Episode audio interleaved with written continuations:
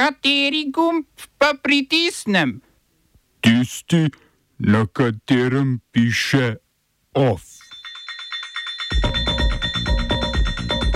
Splošna stavka v Argentini proti Milejevi deregulaciji gospodarstva.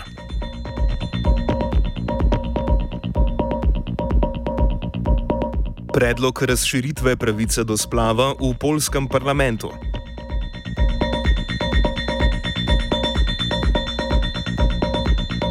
Kadrovske menjave na pravosodnem ministrstvu.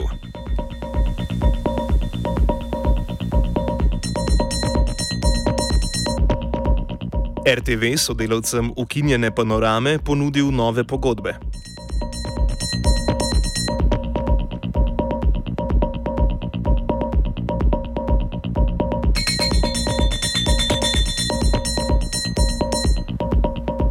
Vladajoča stranka polskega premijeja Donalda Tuska je v parlament uložila predlog zakona o zavestnem starševstvu, ki predlaga liberalizacijo dostopa do splava.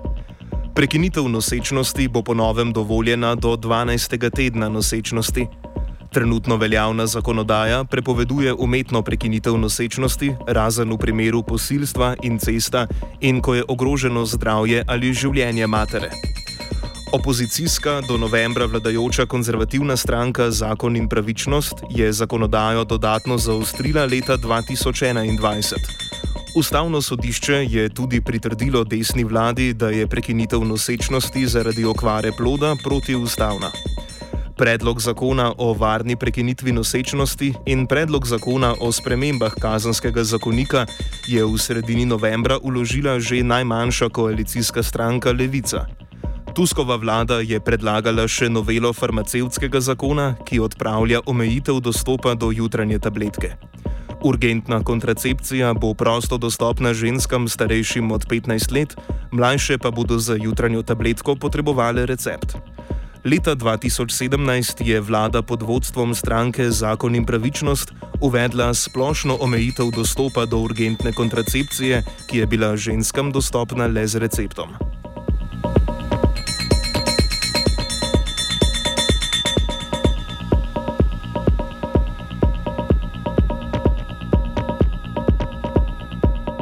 Polski kmetje so s traktorji blokirali ceste v protest proti Evropskemu zelenemu dogovoru, ki ga je Evropska komisija predstavila leta 2020.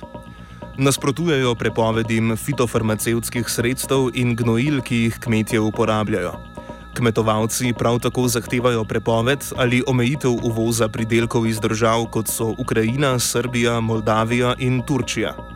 Mihajl Kolodžejčak, podpredsednik vlade, je kmetom izrazil podporo in pozval predstavnike Evropske unije k ponovnim pogajanjem o zelenem dogovoru.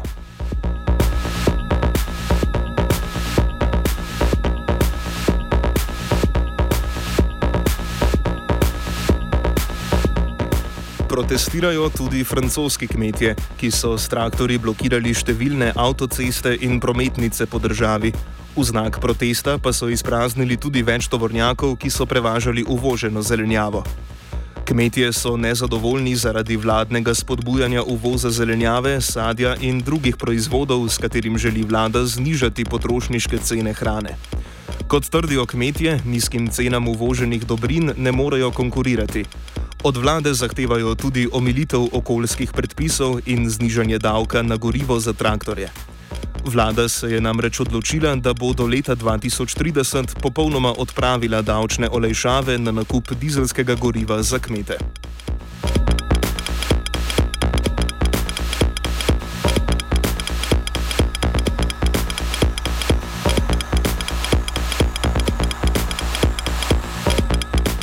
Danski minister za obrambo Trolls Lund Polsen je vojaškemu poveljstvu naložil naj pojasni upletenost danskih sil v smrti 14 civilistov med NATO-vim bombardiranjem Libije leta 2011.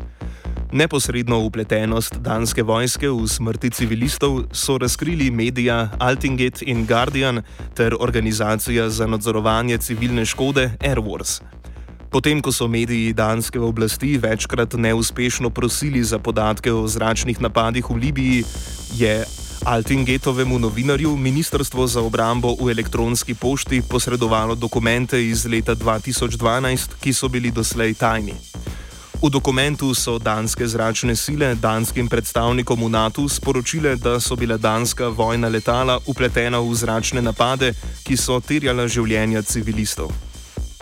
Koalicija voljnih je tudi po poročilih Združenih narodov z bombardiranjem Libije pobila več deset civilistov. A Danska je prva, kjer razkriti dokumenti to javno dokazujejo. Ekspedicijo za zrušitev Moamerja Gaddafija so članice NATO na čelu z američani, francozi in britanci izvajale 8 mesecev. Uporabile so skoraj 10 tisoč bomb in uničile več kot 6 tisoč ciljev. Libija si odtlej ni opomogla.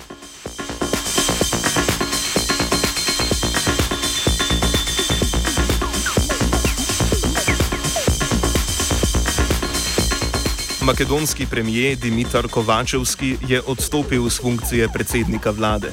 V skladu z zakonom o vladi bo 100 dni pred parlamentarnimi volitvami oblikovana tehnična vlada, katere glavna naloga bo izvedba regularnih volitev in predvolilne kampanje.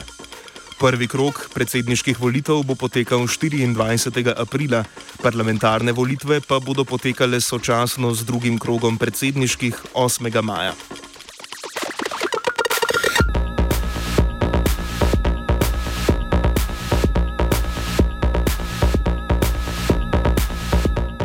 Argentinski sindikati so v prestolnici Buenos Aires organizirali splošno stavko, potem ko je novo izvoljeni predsednik Javier Milei podpisal uredbo, ki uvaja gospodarsko reformo.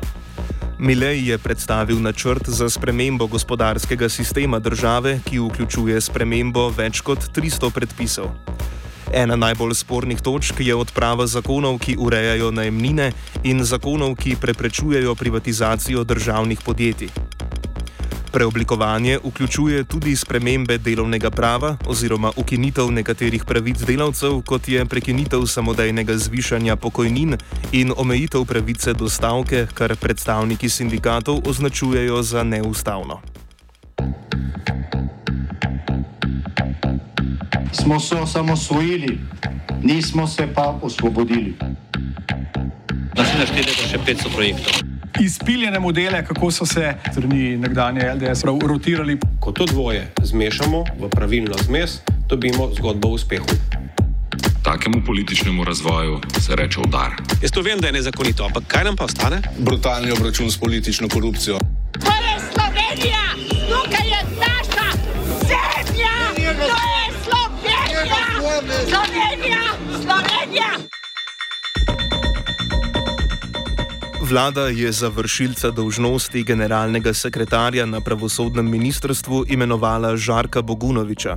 Bogunovič bo na funkciji nasledil Uroša Gojkoviča, ki ga je vlada na predlog ministrice Dominike Švarc-Pipan razrešila prejšnji teden. Gojkovič je vodil posel nakupa pravosodne stavbe na Ljubljanski litijski cesti. Kot je dejala ministrica, so bila vsa pooblastila za posel od vsega začetka prenesena na njega.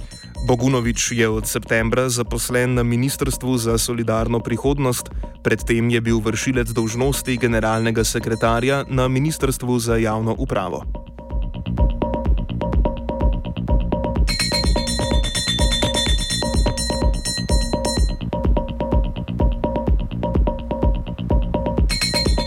Uprava Radio Televizije Slovenija je sodelavcem ukinjene oddaje Panorama ponudila nove delovne pogodbe. Sodelavci projekta nekdanjega vodstva televizije pod Urošem Urbanijo so bili od začetka leta na čakanju na delo. Kot pravijo v upravi, so nekateri že sprejeli nove pogodbe in nove delovne zadolžitve. Z novimi pogodbami so jim ponudili nižje plače. Kot so sporočili iz uprave, tako visokih plačnih razredov, kot so jih imeli v času panorame, pred organi nadzora in upravljanja ne bi bilo mogoče zagovarjati.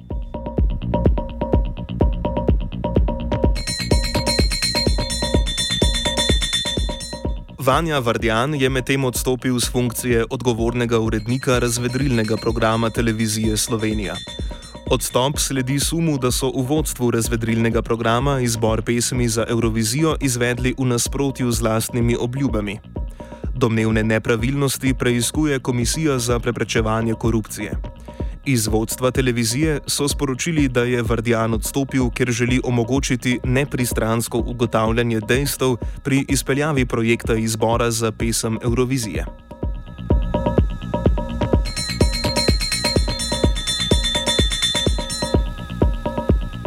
Ljudska inicijativa Velenje je organizirala protest proti visokim položnicam za toplotno energijo. Na Titovem trgu se je po podatkih organizatorjev zbralo okoli 3000 protestnikov, ki zahtevajo preklic decembrskih položnic in začasno ustavitev izdajanja novih, dokler se cene toplotne energije ne znižajo za polovico. Termoelektrarno Šosta, Šoštan so pozvali k takojšnjemu znižanju cene toplotne energije na raven iz januarja leta 2022, od občine pa zahtevajo revizijo poslovanja komunalnega podjetja Velenje. V komunalnem podjetju odgovarjajo, da so položnice izdane na podlagi odčitanih porab objektov in sistema delitve, tako pa ne obstaja pravna podlaga za preklic položnic. S preklicem bi namreč podjetje namenoma kršilo obstoječo zakonodajo.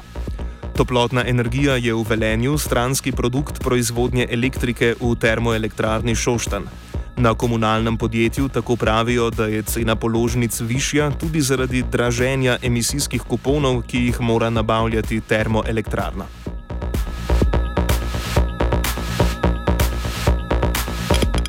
OF je pripravila vajenka Brina, mentorirala je Tija.